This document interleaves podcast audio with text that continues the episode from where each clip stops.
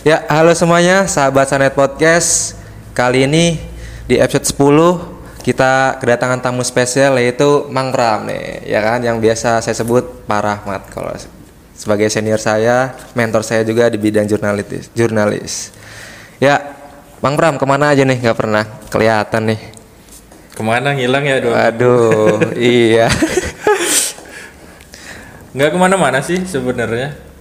Cuman ya dua minggu kemarin sempat ada kegiatan di luar daerah. Jadi sementara meninggalkan kota Cilegon terlebih dahulu. Pantes nih, jarang kelihatan di grup juga sepi gitu kan, nggak ada yang chit chat gitu biasanya rame kalau di grup tuh. Kalau ada Mang Pram nih. Ngapain Mang di luar luar Cilegon nih? Ada kegiatan apa nih? Main-main aja sih sebenarnya, main-main cari ilmu, cari pengalaman. Kebetulan diberi kesempatan juga buat belajar di Bogor selama dua minggu. Hmm, ngapain tuh? Dengar-dengar ini nih, apa? Mang Pram nih lolos inkubasi SIN 2021 nih, baik Kemen Praf nih. Nah iya, kemarin Alhamdulillah dari tanggal 20 Agustus sampai 3 September mengikuti tahapan inkubasi Masterclass SIN 2021. Is, keren keren. Nah ini program dari Kemenpraf, program kelanjutan. Sebelumnya di bulan April lalu saya sudah mengikuti seleksi di daerah. Seleksi di daerah mengikutnya di Kota Bandung. Karena untuk SIN sendiri waktu itu di tahun ini ya. Ya. Di tahun ini tuh ada empat daerah. Pertama itu di Surabaya. Saya udah daftar di Surabaya. Ternyata bentor eh, waktunya bentrok sama sidang Waduh. kemarin itu. Iya nih denger-denger Pak Rahmat nih baru saja menyelesaikan S1-nya kan di Al ya kan, jurusan pendidikan. Selamat dong. Nah itu kan baru selesai kuliah, terus kemudian ternyata ada di Bandung. Nah ikutlah di Bandung, daftar di Bandung dan diterima. Sebelumnya, sebelum di Bandung, Bandung kan belum keluar tuh setelah Surabaya, ada di Padang. Saya udah ancang-ancang tuh ke Padang karena tahu ini kesempatan luar biasa gitu. Ternyata ada di Bandung dan ikut di Bandung, alhamdulillah lolos. Alhamdulillah. Setelah Bandung ada di Padang dan kemudian terakhir di Makassar. Masing-masing daerah itu meloloskan 20 orang dari kelas film sama kelas series. Jadi ada dua. Ada tahapan-tahapannya nggak sih Pak itu Pak? Oh, tahapan ya. Kita harus submit karya sebagai pendaftaran. eh, kita sebagai peserta tetap ada link pendaftaran yang harus kita ikuti. Salah satunya harus menyertakan ide ceritanya apa. Ide cerita, biodata, pasti ya biodata, ide cerita sih yang ditawarkan karena yang akan dikurasi oleh panitia itu kan dari ide cerita yang kita tawarkan sehingga eh, bisa lolos pada di eh, pada tahap sin daerah. Alhamdulillah waktu itu lolos dengan judul Sebangbangan. Jadi bukan di masterclass. Iya. Itu kan Mr. Jaipong. Iya. Mr. Jaipong, tapi di awal pendaftaran itu Sebangbangan. Apa tuh sebang-bangan tuh Pak? Kalau boleh tahu nih. Sebangbangan itu saya ngambil cerita tentang eh, pernikahan, adat pernikahan suku Lampung di mana yang perempuan diculik oleh pihak laki-laki terlebih dahulu gitu.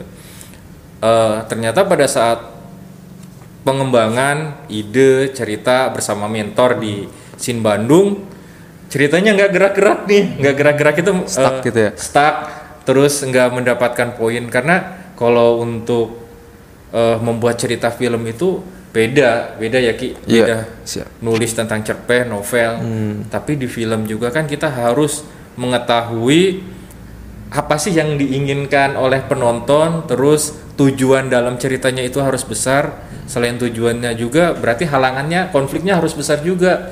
Nah di sebangbangan ini kemudian ke di sebangbangan ini nggak gerak-gerak nggak di ACC sama mentor. Lalu mentor Kak Erik sama Kak Dede. Mentor yang luar biasa. Karena eh, mentor-mentor ini luar biasa sih bisa Iya. mengarahkan cerita. Ini tuh ceritanya kurang pas kurang Oh, iya. kurang oke harus cari yang lain gitu Oh, iya. akhirnya di hari ketiga waktu itu bikinlah cerita baru jadi Mr. Jaipong itu Hamin satu Wah. sebelum acara selesai baru Gila jadi sih.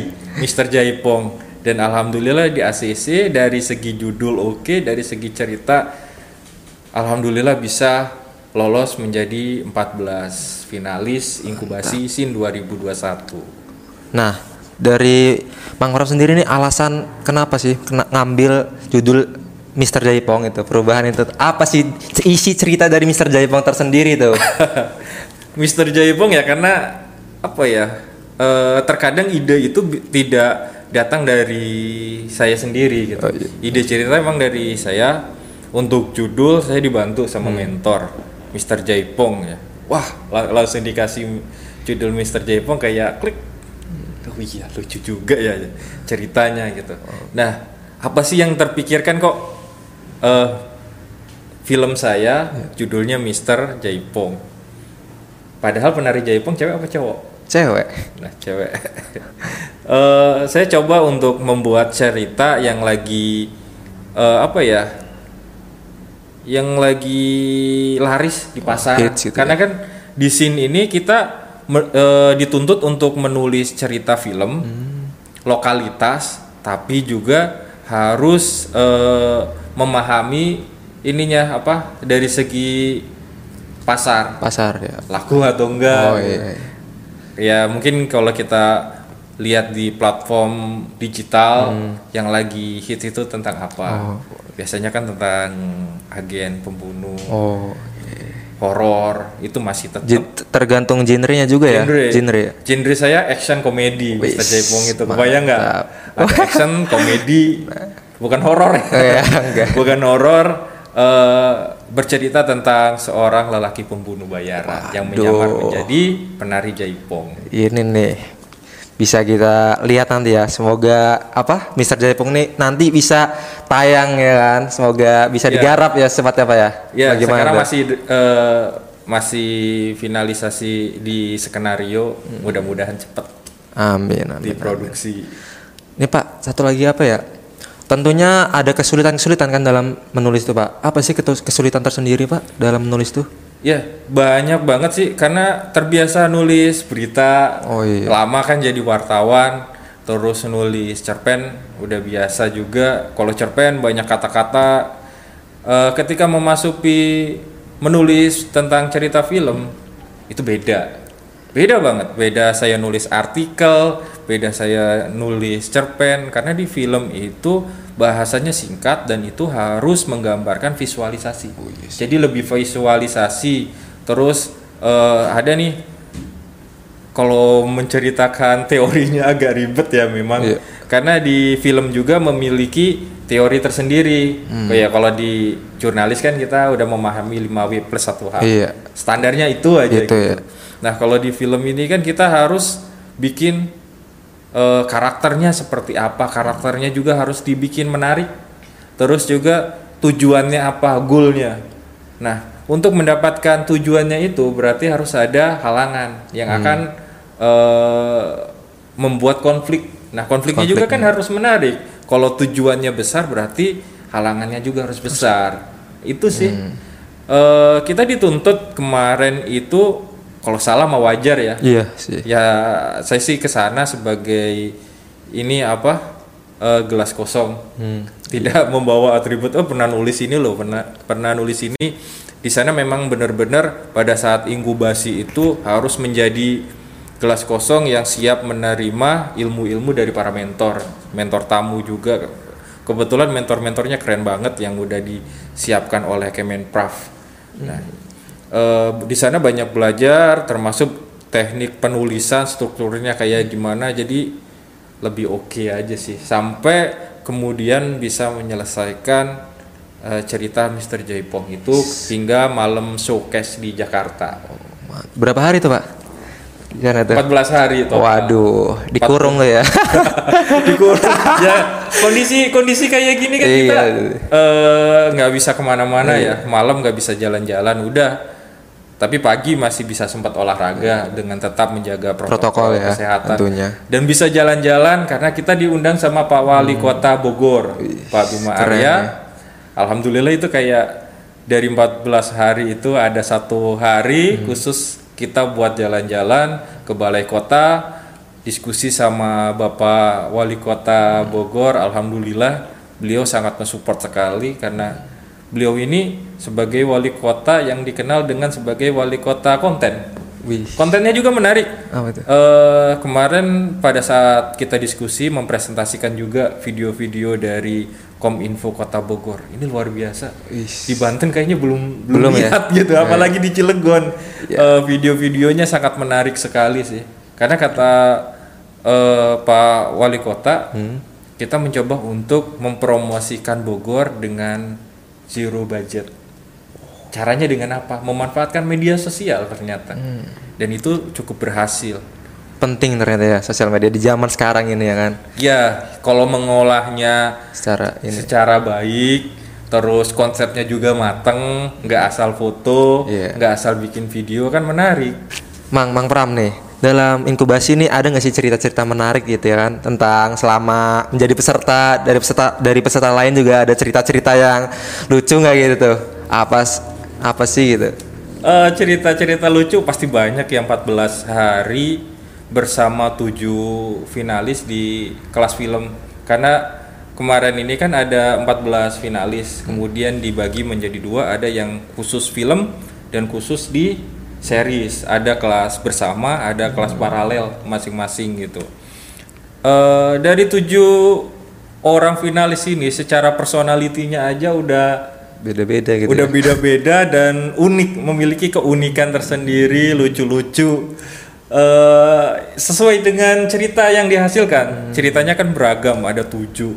Ternyata kepribadiannya yang lucu-lucu juga adalah hal-hal yang unik sehingga di dalam kelas meskipun sudah melewati 14 hari terus dituntut kita juga menyelesaikan pekerjaan ada tugas-tugas PR deadline kita udah diajarkan tuh.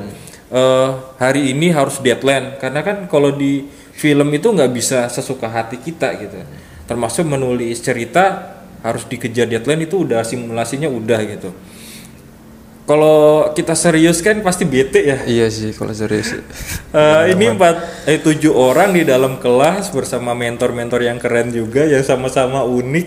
Jadi di dalam kelas itu ya ada saatnya bercanda, ada saatnya serius, tapi lebih banyak bercanda gitu. Kita ketawa-ketawa, makan-makan, pasti di meja kita itu nggak pernah bersih dari makanan. Ada aja. Karena dari tujuh daerah nih pada bawa makanan Bekal khas daerahnya masing-masing gitu. Keren sih. Itu bisa jadi pembekalan, pembekalan, bekal, bekal makan kita selama tu, eh, 14 hari.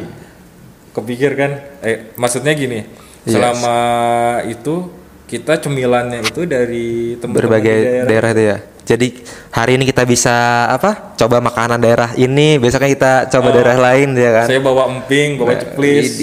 Terus ada temen yang bawa eh, kue khas dari Pekanbaru Hmm. juga. Terus yang dari Mandar, wajik, wajik atau apa ya? Mirip wajik sih. Hmm. Dari Mandar, Poliwali Mandar. Terus ada dari ini juga apa? Dari Jawa, emping juga, tapi beda pengolahannya. Kopi, Kopi. Kopi dari Gunung Ijen itu enak banget dari temen saya di Banyuwangi yang bawa sama dodol Garut. Nah, itulah. Makanya setelah inkubasi 14 hari padahal kita itu dituntut untuk bekerja bener-bener gitu tuh untuk menghasilkan sebuah karya film.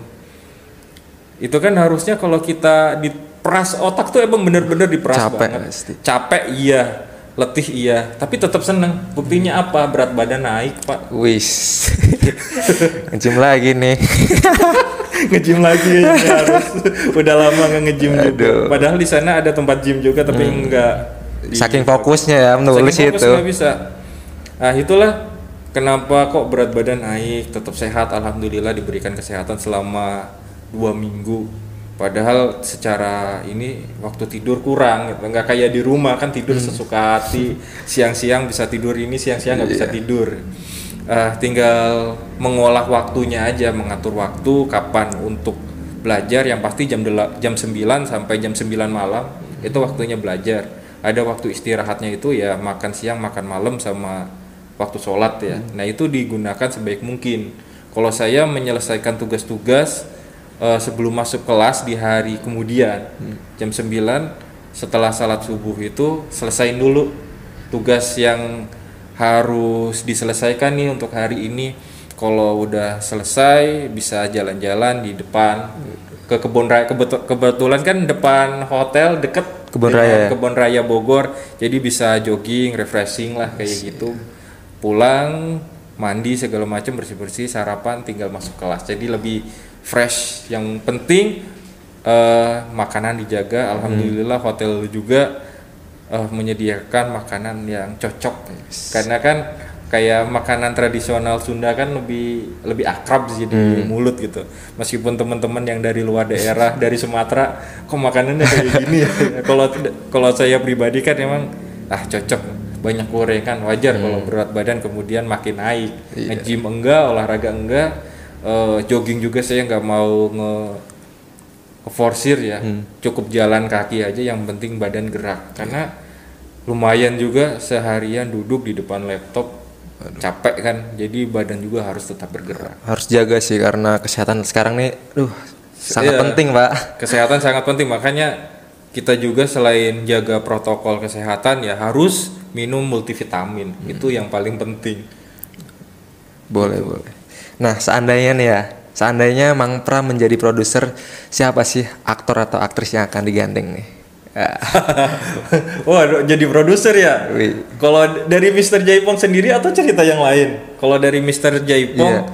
kemarin konsep saya itu ada tiga aktor yang saya ambil. Pertama itu Brian Hmm. eh, yang memerankan pemeran utama, karakter utama. Terus kemudian ada Eva Silia, oh Faisal ya cakep cakep Brian Domani kan Domani ya, Brian Iya. Domani bener. Brian Domani yang memerankan sebagai Mr. Jaipong, kemudian ada partner penari Jaipong ceweknya yaitu Eva Silia. Sama ini nih antagonisnya, antagonisnya ganteng banget so. Oh. Doni Damara siapa sih yang nggak tahu ak- aktor senior gitu. Doni Damara. Iya. udah ini- malang melintang di dunia perfilman tuh Nah itu eh, saya menawarkan tiga tokoh itu dalam film ini. Semoga akan menarik sih. amin Nanti kalau diproduksi bisa berubah sebenarnya. Iya, bisa ya. berubah eh, siapa yang akan memerankan. Tergantung nanti produsernya maunya siapa ya. Iya. Kalau saya kan sebagai penulis baru ini apa? Ada konsep kayaknya yang main ini oke deh, yang main ini oke gitu. Gitu aja. Nah, sahabat Sanet Podcast, dari tadi kan kita telah menceritakan kisah dari Mang Pram ya kan, dan sekarang kita ingin mau tahu nih dari kecilnya Mang Pram bagaimana ya kan? Gimana nih Mang Pram? Dari kecil. Iya. Kembali ke masa lalu. Kembali ke Kok masa bisa ke lalu. film ya? kita? Iya, Ci- dulu cita-citanya apa sih sebenarnya gitu ya kan? Kita Eh, kan Cita-cita sebenarnya dari SD kelas 6 itu pengen jadi wartawan di TV, reporter. Dari kelas 6. Inget eh, sebelum kita kelulusan itu kan Bapak kepala sekolah saat itu nanya eh, satu-satu cita-citanya apa? Ya yang paling umum kan teman-teman jadi guru, Iya. jadi pegawai pabrik ya karena di Cilegon kan. Eh, terus ada yang jadi dokter. Tapi saya beda waktu itu saya ingin menjadi wartawan. Udah wartawan itu emang cita-cita dari dulu pengen jadi wartawan TV tapi bukan di berita. Eh, seiring berjalannya waktu di SMA Aliyah ya? Iya. saya di Man 2 Cilegon. Ada yang lulusan. Kalau dulu pas saya masih di masih menggunakan nama Man Pulau Merak ya. Sekarang iya. udah Man 2 Man dua. Cilegon. Semoga bapak kepala sekolahnya nonton. Ya Bapak Munir di waktu itu pernah podcast di sini bareng Pak Sabah. oh iya. Alhamdulillah guru-guru juga eh, sangat mendukung saya dulu untuk menulis. Salah satunya Bu Erika. Iya Bu Erika guru bahasa Inggris saya yang sangat mensupport sekali. Terus karena di kelas 2 Alia itu saya udah belajar. Udah belajar menulis di Rumah Dunia di Serang. Wih, keren. dari kelas 2 Eh, sering ke Serang naik bis dari depan SMP Negeri 3 ya? SMP Negeri 3 turun di Patung. Kalau dulu pakai seragam sekolah hari Sabtu kan pakai pramuka. Kadang nggak diminta loh ongkos itu. Karena kalau ngongkos juga paling seribu gitu. Oh, padahal lumayan jauh sih itu. Eh udah kelas 2 udah berani belajar menulis di Serang Nah dari perkembangan itu setelah lulus Alia pernah menjadi co-writernya Golago di Cinema Art. Di Cinema Art nulis FTV pada saat itu di Keren. tayang di RCTI. Di situ nulis tentang ide cerita sama treatment, belum ke skenario karena skenario itu lebih ke maskungnya. Eh, dari situ masuk ke Banten Raya TV setelah memenangkan Banten Talenta 2000 berapa ya? Ya ada eh, Banten Raya TV waktu itu bikin program pencarian bakat. Saya lolos di kategori reporter dan kemudian diberikan kesempatan untuk magang di Banten Raya TV. Tapi nggak lama karena setelah itu saya lebih eh, pindah lagi ke koran Banten Post jadi wartawan. Nah, 2014 kalau nggak salah, 2014 itu karir profesional saya di jurnalistik sampai kemudian hari ini di jurnalistik. Nulis-nulis di Kompasiana juga Sering baca saya sering ya baca. gimana ya pokoknya udahlah udah saya udah menyadari bahwa bakat saya memang dinulis kok ya. Gimana, Bang? Dinulis. Support keluarga. ya sangat mensupport Sangat mensupport. Sangat, penting mensupport. ya. sampai jujur sih eh, penghargaan paling besar dari keluarga terutama dari orang tua itu saya sampai dibelikan komputer dulu Mantap sih. Karena support keluarga itu sangat penting sih. sangat penting Eh, setidaknya pada saat lebaran ibu saya bisa membanggakan anaknya anak saya bisa nulis loh di antara keluarga-keluarga yang anaknya kerja di pabrik tahu-tahu sekarang yang kerja di pabrik pada di PHK Waduh. Iya. ya alhamdulillah apa pun yang Iya, kita lakukan. jalanin kalau sudah mendapatkan restu dari orang tua dan kemudian kita sebagai orang yang menjalani juga bertanggung jawab. Hmm. bertanggung jawab artinya apa? Berkarya sebaik mungkin belajar terus. Karena kalau kita ter- eh, berkarya tapi tidak diiringi dengan belajar juga akan mentok. Hmm. karena yang namanya ilmu itu harus selalu diperbaharui. Zaman juga berubah. Zaman berubah jadi ya kita harus tetap belajar. Termasuk sekarang eh, masuk ke industri film setelah mengikuti SIN 2021 Alhamdulillah ya eh, diberikan kesempatan untuk mengembangkan skenario nya dan insya Allah gabung sama tim tim SIN ini untuk bisa masuk ke industri perfilman Indonesia.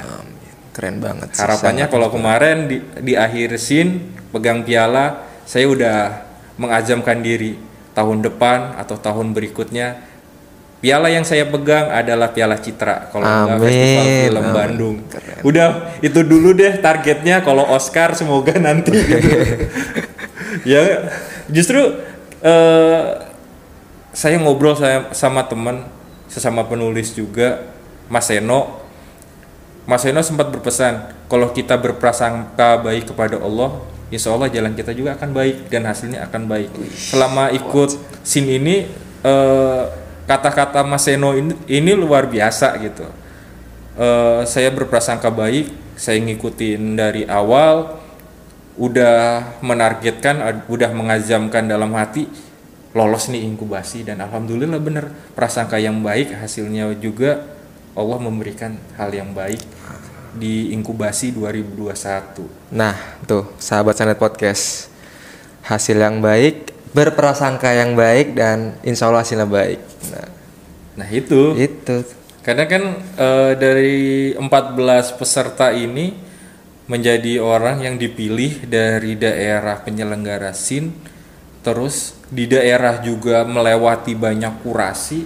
Kalau dikatakan entah berapa ya jumlah yang mendaftar pasti banyak.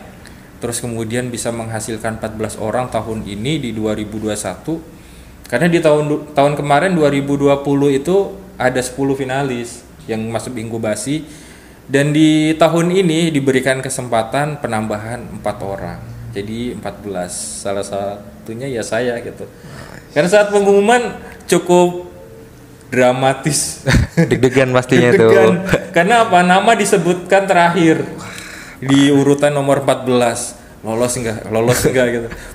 Pengumuman pengumuman itu kan live. Ya. Kita Zoom bersama orang kementerian juga, Pak Saiful, terus Bang Endra, para mentor yang ini apa? eh, yang menyebutkan nama-nama yang lolos itu benar-benar deg-degan gitu sampai kemudian sampai di orang nomor 10 finalis nomor 10 ya selesai nih nggak lolos lu kebayang nggak sih kayaknya udah parah sih. iya nggak sih tapi ngelihat dari eh, dari orang ke 10 itu kok ini baru sampai M ya eh M kalau H H atau M kayak gitu eh abjad huruf kan A sampai Z itu kan banyak ya, ya. Masa iya nggak lewat sampai R? R. Akhirnya ada penambahan lagi, penambahan dua jadi 12. Belum disebutkan lagi penambahan akhirnya eh, ada penambahan dua lagi alhamdulillah masuk. Ya karena nama saya kan awalannya R, itu udah terakhir. Dari 14 orang itu R itu terakhir. Aduh. Alhamdulillah masuk eh, dari situ sudah mulai banyak nonton saban hari ya harus banyak nonton film karena eh, referensinya juga akan dibutuhkan saat diinkubasi. Jadi segala sesuatu kalau sudah terpilih harus tetap ada strategi, strategi dan harus belajar supaya pada saat kita meng- eh, kita mengikuti inkubasi ya harus siap harus siap wawasannya juga ditambah belajar belajar belajar ya udah Belajar dan Belajar. ya. Ja- nggak pernah haus ya kan? Kita akan haus akan ilmu. Jangan pernah haus akan ilmu. kan ngelihat aduh kayaknya 14 orang 14 orang di kelas film sama series ya karena seluruh terus kemudian dikerucutkan masing-masing di dua kelas itu di kelas film aja. Karena kalau kelas series kan saya kurang begitu tahu ya. Karena teknik penulisan di film sama series itu berbeda. Kelas film aja. Ceritanya emang beragam sih keren-keren. Keren-keren luar biasa. Wajar kalau tahun ini eh scene laris maris nih banyak yang ngelirik dari pihak rumah produksi. Gitu. karena ceritanya menarik Udah berkembang berarti dari udah series-series berkembang. dulu tuh. bahkan dari tujuh tujuh orang selain Mr. Jaipong tetap paling keren ya karena iya kan karena antum sendiri yang nulis. ada kalau seandainya tadi kan ditanya sebagai produser iya. saya kalau seandainya saya jadi produser dari tujuh orang selain Mr. Jaipong yang saya produksi saya pengen nyebutin tapi nyebelin juga anaknya gitu. Waduh. Nye- nyebelin juga. Semoga nggak kesinggung ya. Ini kawan saya dari Poliwali Mandar. Paling jauh kayaknya peserta sin di Indonesia bagian timur itu Poliwali Mandar paling jauh. Bercerita tentang eh, gurita raksasa namanya Kawau. Ini ceritanya menarik ternyata di awal biasa-biasa aja anaknya diem kemudian eh, karena digerakkan juga sama mentor dikasih ilmu kasih masukan segala macem di final gila ini Te- eh, judulnya itu Ranu di atas laut itu tuh film yang cerita yang sampai sekarang ini film keren banget loh gitu. kalau saya seandainya punya duit banyak Iya. saya akan produksi sebagai film animasi. Film animasi ceritanya karena menarik. Eh, referensinya mungkin udah nonton Luka, Luka. animasi. Belum, belum. Waduh, itu kan menarik juga gitu kan kayaknya ceri- cerita tentang gurita raksasa apalagi lokasinya ini kan Bagian eh, timur sana. di antara Pulau Jawa, Sulawesi sama Kalimantan itu kan katanya sih disebut Segitiga. sebagai piramida bermudanya di, Oh. Cil- eh, di Cilegon di Indonesia gitu. Itu menarik banget sih tentang Ranu di atas laut itu ceritanya. Terus ya cerita-cerita lain sama juga menarik zombie, zombinya Kalisti yang dari Pekanbaru juga keren. Terus eh, penari sebelang yang memiliki masalah kelamin ganda. Wah. Itu juga oke juga. Edukasi sih. Itu edukasi bukan itu, Pak? Ah, Tentang edukasi nggak? Ada pasti nilai-nilai pesan moral yang disampaikan. Apalagi eh, tari sebelang itu kan tarian sakral ya yang dari Banyuwangi. Terus ada tentang sendakala. Mungkin kalau ditarik ke horornya ada wewe gombel segala macam tapi sendakala ini lebih ke mitos. Eh, tapi Daerah. tidak menceritakan tentang setan-setan kayak gitu. Justru eh, ceritanya ditarik ke tahun flashback 1945 kalau nggak salah ya Vi maaf sih kalau salah. Eh, yang nulis Arfi dari Garut. Terus ada lagi tentang komedi tentang ngidam. Kebayang nggak orang ngidam menjadi Dewi Sinta? Wah, bapaknya laki-laki eh, saat istrinya hamil ngidamnya pengen jadi Dewi, Dewi Sinta. Ceritanya eh, berdasarkan ini juga apa setelah dia membaca atau terinspirasi dari kisah Ramayana di Ramayana versi Jawa kuno ya. Itu terus apalagi ya? Eh Kalisti udah tentang zombie itu tentang cerita pekerja Romusa pada zaman Jepang di tahun 1902 1942 menarik tuh sejarah pasti. membuat eh, tentang Romusa terus ada satu lagi sih yang spesial Eh, Apa tuh? kawan saya dia penyandang tun- tunanetra Hmm. Mas Majid dari Sidoarjo dia menulis tentang blank spot blank spot itu satu blank spot kalau di Gunung Mahameru Semeru Iya. di situ kan ada spot 75 nah itu menceritakan menceritakan tentang anak-anak yang Mendaki. pendaki gunung tapi pendaki gunungnya dia tunanetra. Beda dong Oh, iya. beda sama film 5 cm Iya, kan. beda. 5 cm ya emang ke sana apa? Ke Semeru. Hmm. tapi kan ceritanya lebih ke persahabatan dan cinta. Iya. ini juga sama kemasannya tapi Cuma ini- alurnya berbeda juga konfliknya juga berbeda. Dan lebih kerennya lagi ditulis oleh uh, penyandang tunanetra.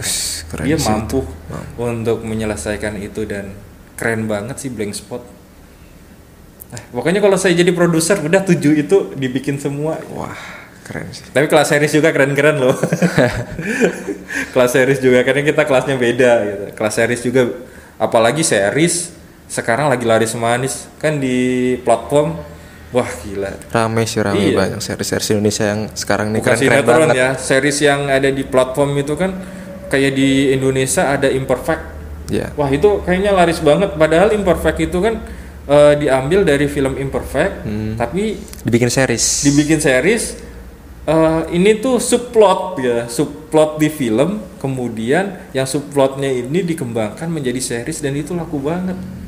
Gila itu keren banget sih Ernest bikinnya imperfect. Terus eh, Ramadan kemarin ada Ustadz milenial juga Rami. Terus banyak sih film-film sekarang di platform digital. Yang udah ini ya berkembang dan maju. Nah, Nah. Kemenprov juga kan sasarannya ke arah situ sekarang. Karena kalau untuk mengandalkan bioskop kondisi kayak gini Iya. dibatasi. Betul. Cara yang paling tepat pemasaran film ya di media digital ini. Nah, tentunya nih setelah Pak Rahmat tadi bercerita tentang apa dunia perfilman ini, apa sih harapan ke depannya Pak? Harapan harapan Pak Rahmat ya. iya, harapan Mang Pram nih. Soalnya sorry, maaf. Pemirsa Sanet, saya sering manggilnya Pak gitu kan. Iya, itu nggak apa-apa. Karena mungkin teman-teman biar tahu kalau ya Rizky juga kan ada di kampus Al Heria, orang-orang pada manggil saya bapak karena saya orang yayasan, staf yayasan maaf. Eh, harapan, harapan saat ini setelah mengikuti sin tentu saja pengen lebih mem- memasuki ke industri. Ke industri perfilman sebagai penulis skenario. Insya Allah karena sekarang udah ada tim dari Sin yang terus membimbing kita untuk bisa masuk ke industri. Eh, ini program tidak selesai pada saat malam final Sukes kemarin. Bukan berarti kita yang udah eh, sampai ke rumah masing-masing sudah selesai tidak?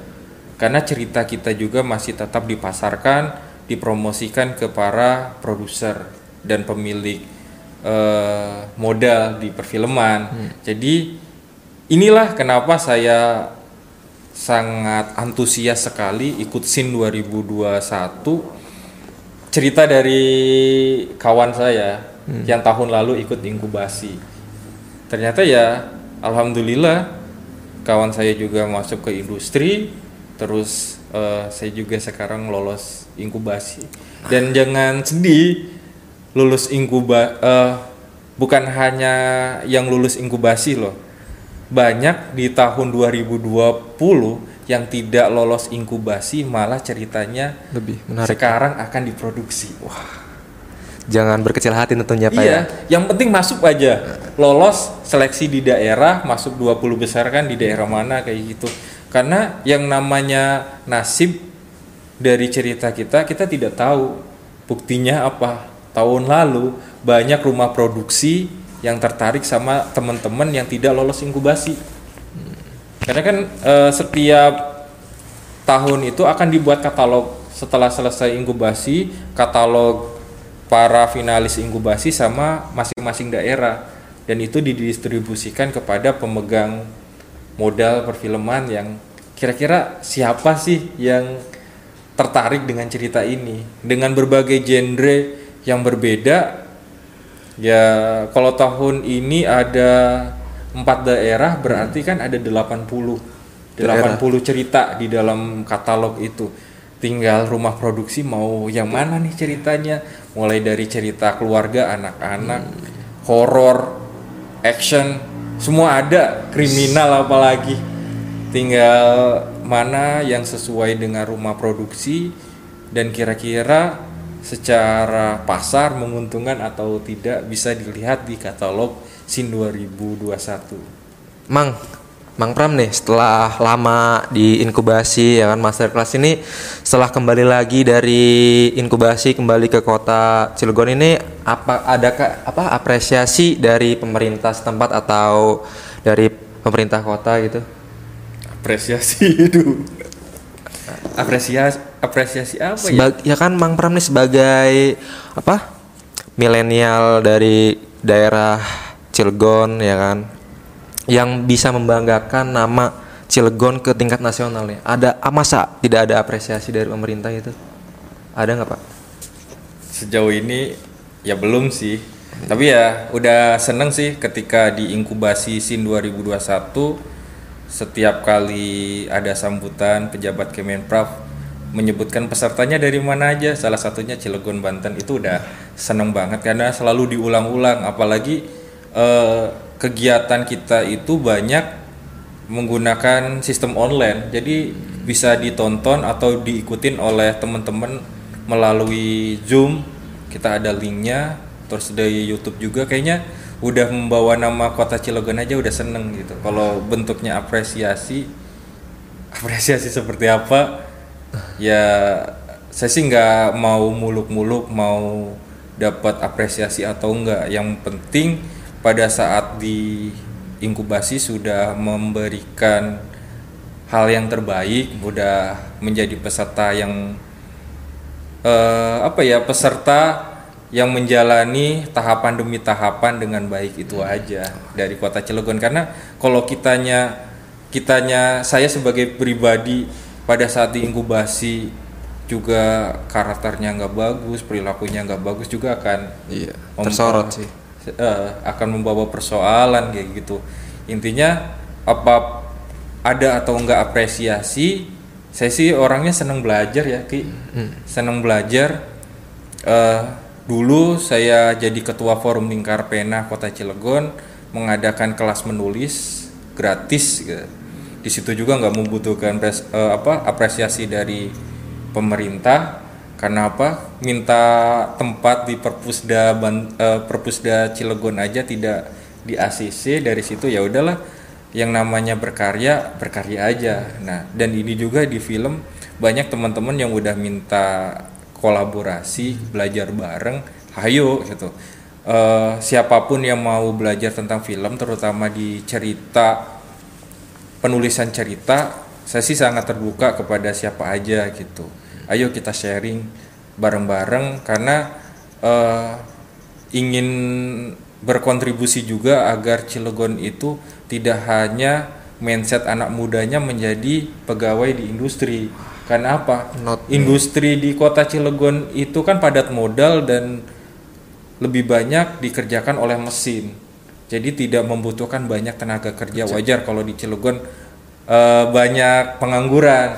Nah, cara salah satu cara untuk mengatasi pengangguran ini pengen ngajak sih teman-teman, ayo kita berkarya bareng-bareng berkarya bareng-bareng dunia kreatif, pekerja kreatif juga bisa menghasilkan loh salah satunya di film atau enggak di YouTube. Ini kan eh, media sudah sangat besar sekali dan gampang diakses.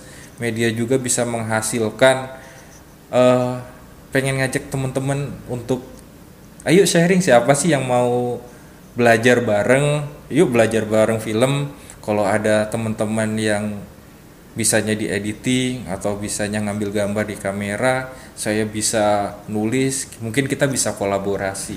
Semacam itu. Pengennya sih setelah di Cilegon. Jadi eh, menurut saya apresiasi yang paling oke seperti itu. Kita bisa berkolaborasi sama teman-teman yang pengen belajar. Karena akses belajar di Cilegon itu sangat terbatas bukan sangat terbatas malah tidak ada terutama yang mau eh, belajar film. Saya aja dari dulu nggak pernah belajar di Cilegon gitu. Karena emang nggak ada. Saya harus ke rumah dunia. Saya juga gabung ke P PSSI eh maaf salah. Eh, organisasi kepenulisan di Jakarta. Itu ya it- untuk mengembangkan diri mau jadi penulis skenario film ya harus cari ilmunya. Teman-teman juga nih teman-teman yang ada di Cilegon memiliki passion apa aja jalani dan harus cari ilmunya. Yang penting kan ilmunya. Ilmunya tentu. karena segala sesuatu yang bisa mengangkat kita itu ilmunya. Bisa bikin film kalau hanya sekedar syuting-syuting aja ceritanya akan ke mana-mana kan nggak asik juga berbeda sama orang Punya yang ilmu tentang punya film ya. ilmunya tentang film oh ada triknya kayak gini kayak gini cara pengambilan gambarnya seperti ini visualisasi ceritanya kayak gini jadi ya ayolah eh, sama teman-teman juga bisa berkarya bareng, bisa belajar bareng. Saya lulus SIN bukan berarti paling pinter, tapi saya bisa membawa ilmu-ilmu dari SIN untuk dibagikan ke teman-teman. Biar nanti nih di 2022 eh, anak muda Cilegon harus banyak yang ikut SIN. Kan ini setiap tahun. Keren pokoknya. Keren dan apa anak muda millennials millennials kota Cilegon bisa bisa membuat film ya kan tingkat Iya, nasional iya. tuh itu tingkat nasional aja lah karena kalau kita ngandelin mau jadi pekerja pabrik di kota Cilegon udah banyak persaingannya sulit banget tapi kalau kita mencoba untuk ke dunia kreatif industri kreatif kayak gini kan gak ada batasan. Siapa aja bisa berekspresi Eh, apalagi untuk publikasi kita ada YouTube ada banyak platform digital yang bisa kita gunakan dan itu menghasilkan juga gitu. Iya. nah terakhir nih tiga kata yang menggambarkan Mang Pram ayo. Saya bikin bikin karakter untuk film saya aja itu bisa berhari-hari. Sekarang saya harus mendeskripsikan Sikan. tiga kata dari saya. Eh saya pemimpi. Pemimpi satu. Action. Action. Niat yang baik aja. Niat yang baik mantap sekali dari Mang Pram nih ya. Ya terakhir eh, sahabat Sanet Podcast jangan lupa untuk nonton video Sanet Podcast di channel YouTube Sanet News dan bisa didengarkan juga di channel Spotify kami Sanet Podcast. Dan terakhir tas dulu Pak. Ngopi lagi kita. Kita dulu. Oke. Mantap